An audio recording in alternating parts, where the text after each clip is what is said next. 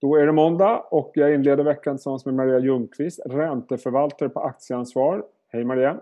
Hej hej! Du, jag tänkte, du har kommit ut med en strategirapport som jag tänkte att vi skulle prata lite grann om. Jag tänkte börja med kreditspreadarna som har ju kommit ner ordentligt sen eh, det var som stökigast där i vad var det, februari-mars. Vad säger dagens nivåer egentligen om hur räntemarknaden ser på läget? Eh, ja, nu tror jag inte att... Eh, vi har ju sett ett väldigt eh, starkt rally mm. under kvartal två och tre. Eh, men jag tror egentligen inte att det fokuserar så mycket på fundamenta utan det är ju centralbanksdrivet. Eh, eh, det är ju lite konstgjord andning snarare än någonting annat. Utsikterna har ju inte blivit bättre egentligen eftersom vi har ju inte corona under kontroll överhuvudtaget. Eh, vi har ju sett i och för sig en viss förbättring efter att man öppnade upp olika länder. Eh, så i den meningen så finns det ju fog för att kanske handla marknaden lite starkare.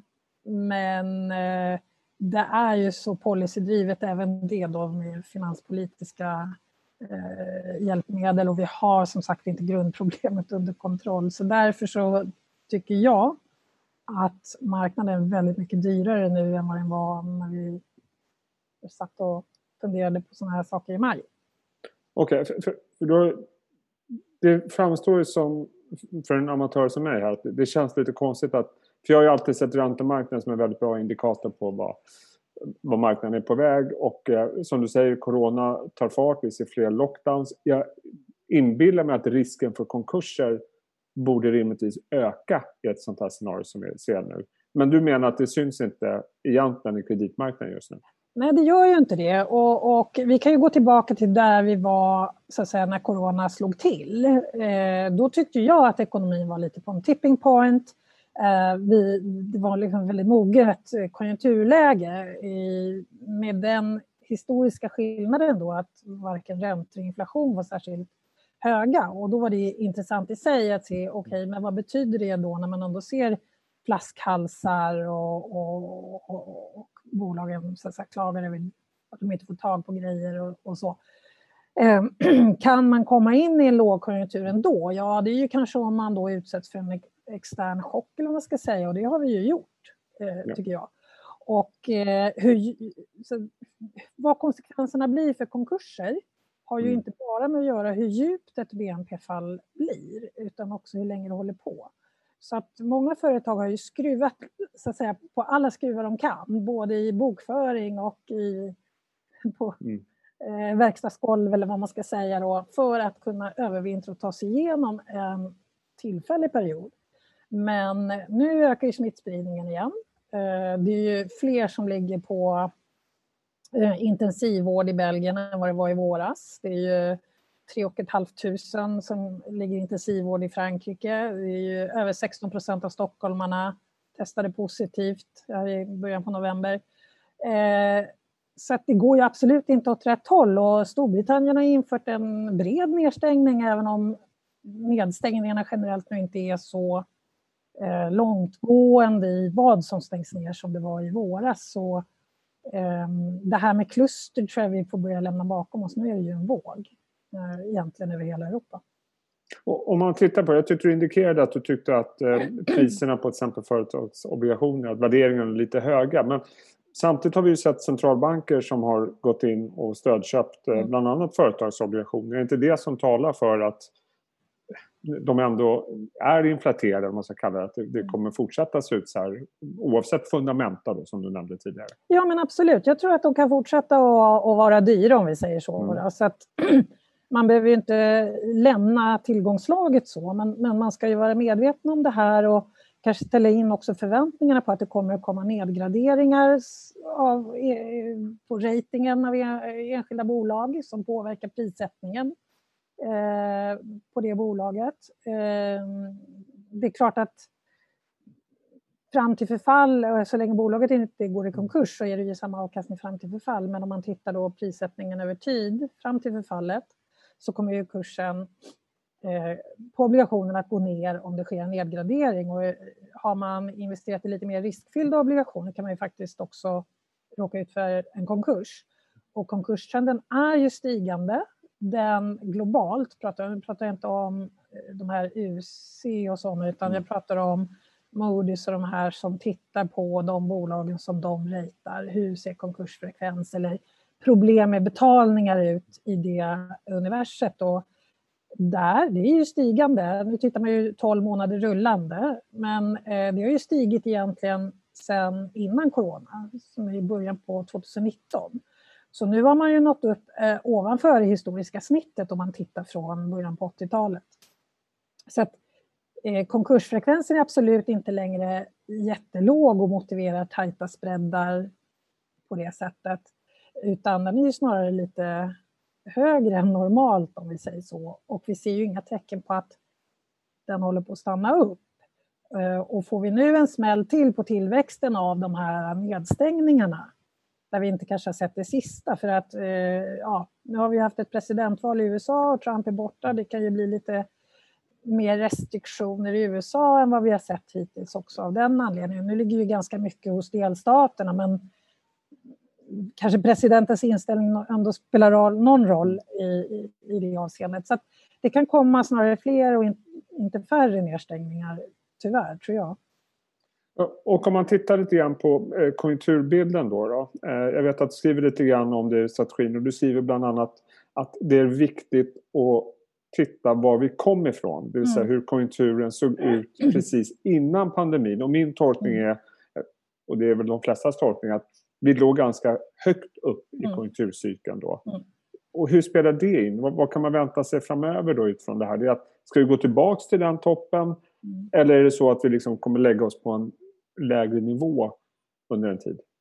Jag tror i alla fall inte vi behöver vara oroliga för inflation mm. eh, annat än möjligtvis att importpriserna stiger om kronan blir svag eller så, men det ser vi ju inte nu. Eh, utan eh, jag tror ju här att eh, arbetslösheten snarare kommer ju bli högre än lägre. Och, vi har fått, så att säga, på grund av corona, vi har fått en, eh, lite expansionsutrymme här nu då, som vi inte hade i våras. Mm. Så att vi, vi så här, om saker och ting kommer under kontroll så har vi en period då ekonomin kan växa utan inflation och flaskhalsar. Men vi har ju fått en strukturell effekt av det här också, tror jag, där, där eh, en del, vi har sett en del kapitalförstöring, vi har en del personer som kanske permanent kommer hamna utanför arbetsmarknaden och det här, det här påverkar ju så att säga, den strukturella delen av ekonomin eh, som gör att allt annat lika så kan inflationen komma lite tidigare. Och det är väldigt svårt när man har haft en större kris så är det väldigt svårt att skatta de här två delarna. Hur mycket är konjunkturellt, hur mycket är strukturellt? Så därför vet man helt enkelt inte riktigt var vi är. Och det, jag tror inte att centralbankerna riktigt vet det heller faktiskt. Men, eh, man men får känna sig fram. Ja. Men, men, är det inte så ändå att marknaden prisar in att det här kommer centralbanken och politikerna fixa? De kommer liksom plöja ner så mycket i det här så att de kommer hindra ett, ett eh, alltför negativt förlopp? Ja, alltså, till att börja med, centralbankerna kan ju inte fixa det här för att roten Nej. till det här är ju en pandemi och det ligger utanför deras. De kan köpa lite tid mm. eh, då, genom att se till att räntorna är låga. Jag tror att Riksbanken, det de har gjort, först så kändes det som att det var en nödåtgärd som kom lite väl sent. För när vi var mitt i turbulensen i mars då hade det ju varit väldigt välkommet om centralbanken i Sverige hade kunnat komma in och köpa central, företagsobligationer också. För den marknaden fungerade ju inte alls och det påverkade ju fonder och sparare eh, på ett eh, väldigt besvärligt sätt också. Eh, men även företagen som inte kunde emittera då i företagsobligationsmarknaden. Eh, men det var ju jungfrulig mark för Riksbanken. De, de, hade inte riktigt verktygen på plats för det. Eh, de gjorde andra saker som funkade väldigt bra. De köpte ju mm. bostadsobligationer och de köpte företagscert. Och eh, det hjälpte faktiskt till att dra företagsobligationsmarknaden åt rätt håll också. Sen i september hade de ju fått alla grejer på plats och så som de aviserade i juni så började de ju också köpa företagsobligationer och det kändes lite sent mm. eh, med det perspektivet som jag hade då. För att jag tyckte ju marknaden fungerade bra. Den började fungera rätt bra redan i juni faktiskt när Riksbanken bekräftade att de skulle köpa även företagsobligationer senare under året. Eh, och i september så kändes det som vi var inne på snarare lite dyr, så tajmingen var ju inte jätte, jättebra. Men jag tror att det Riksbanken har försökt uppnå det är att inte sänka styrräntan under noll eh, utan att istället jobba med marknadsräntorna precis som Fed och ECB har gjort. Och hålla kreditkanalen hos bankerna öppen för de mindre företagen som normalt inte kan komma till företagsobligationsmarknaden. Därför att det som hände i våras var ju att de större bolagen sa nej men jag har ingen lust att emittera i den här marknaden, det är ju jättedyrt. Jag kan låna bättre i bank.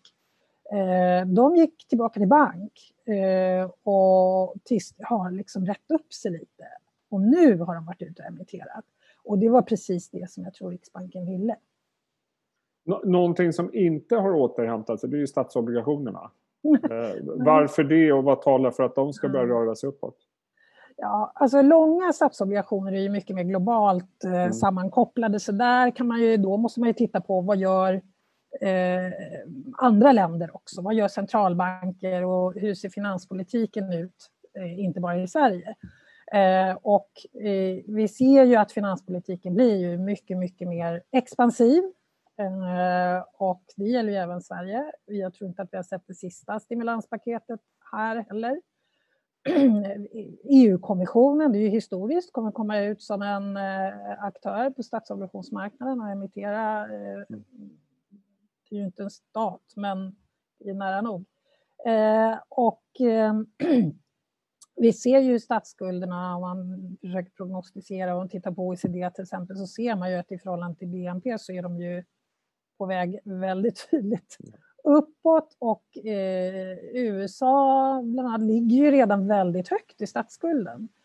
Eh, det här kommer ju öka utbudet av statsobligationer. Eh, traditionellt så vet vi att dollarn är dollarn. USA kan tillåta sig ganska mycket som mindre länder inte kan.